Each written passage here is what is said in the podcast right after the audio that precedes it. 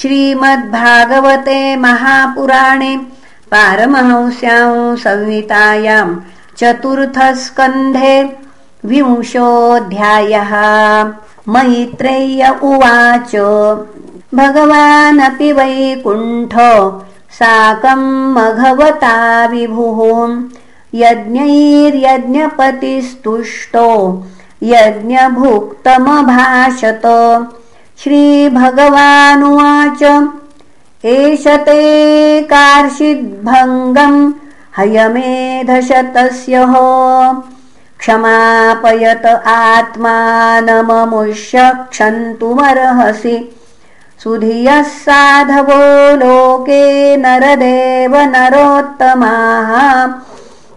नाभिर्द्रुह्यन्ति भूतेभ्यो यर्हिनात्मा कलेवरम् पुरुषा यदि मुह्यन्ति त्वादृशा देवमायया।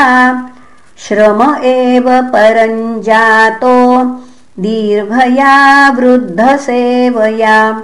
अतः कायमिमं विद्वानविद्या कामकर्मभिः आरब्ध इति नैवास्मिन् प्रतिबुद्धोऽनुषज्यते।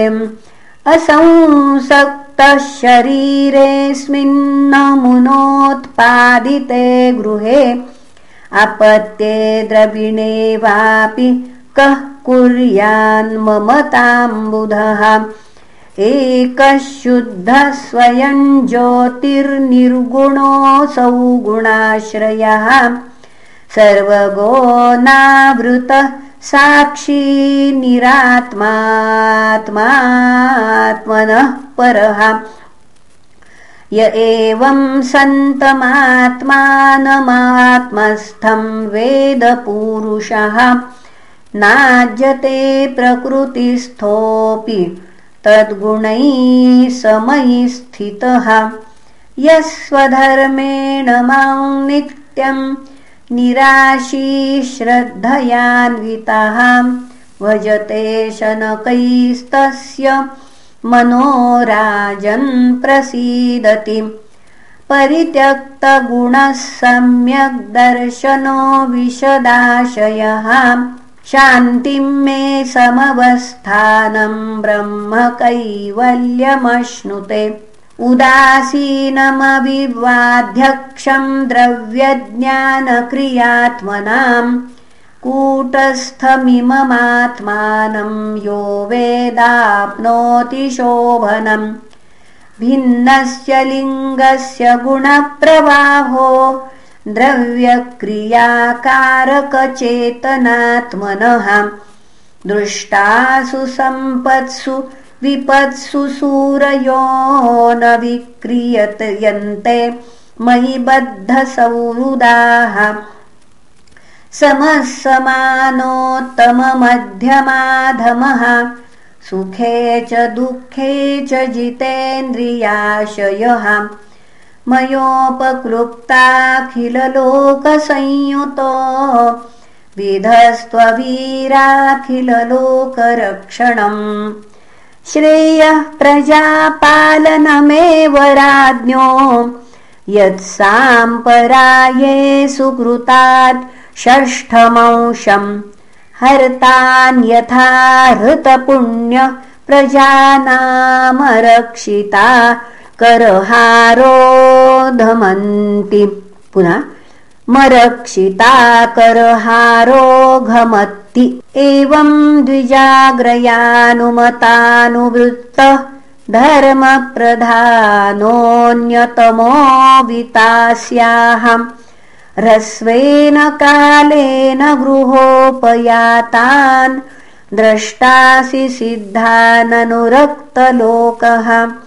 वरञ्च मत्कञ्चन मानवेन्द्र वृणीष्वतेऽहं गुणशीलयन्त्रितः। नाहं मखैर्वै सुलभस्तपोभिर्योगेन वा। यत्समचित्तवर्ति मैत्रेय्य उवाच। स इत्थं लोकगुरुणा विश्वक्सेनेन विश्वजित् अनुशासित आदेशं शिरसा जगृहे हरेः। स्पृशन्तं पादयोः प्रेम्णा व्रीडितं स्वेन कर्मणा शतक्रतुं परिष्वज्य विद्वेषं विससर्जः।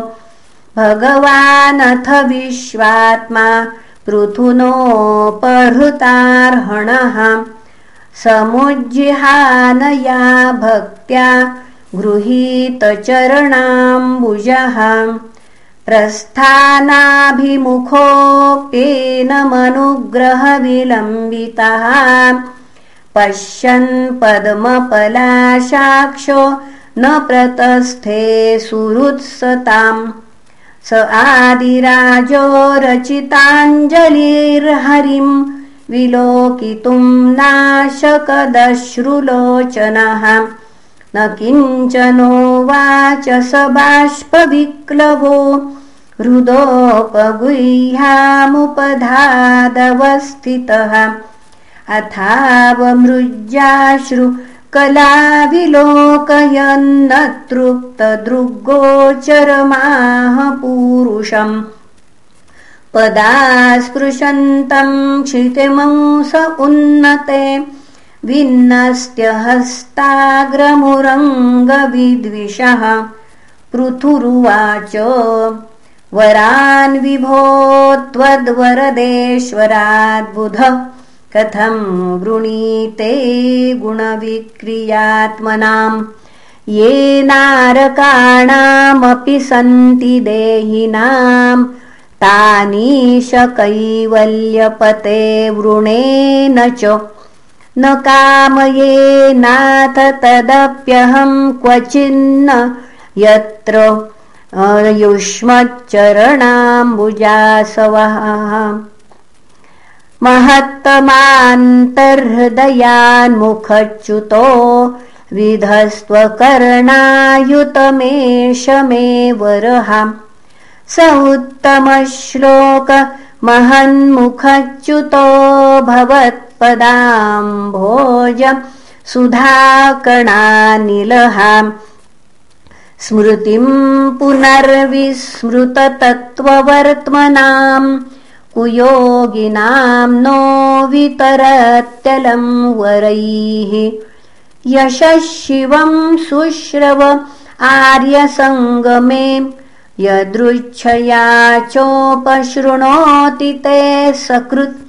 कथं गुणज्ञो विरमेद्विना पशुम् श्रीर्यत्प्रवव्रे गुणसङ्ग्रहेच्छया अथा भजे त्वाखिलपुरुषोत्तमम्।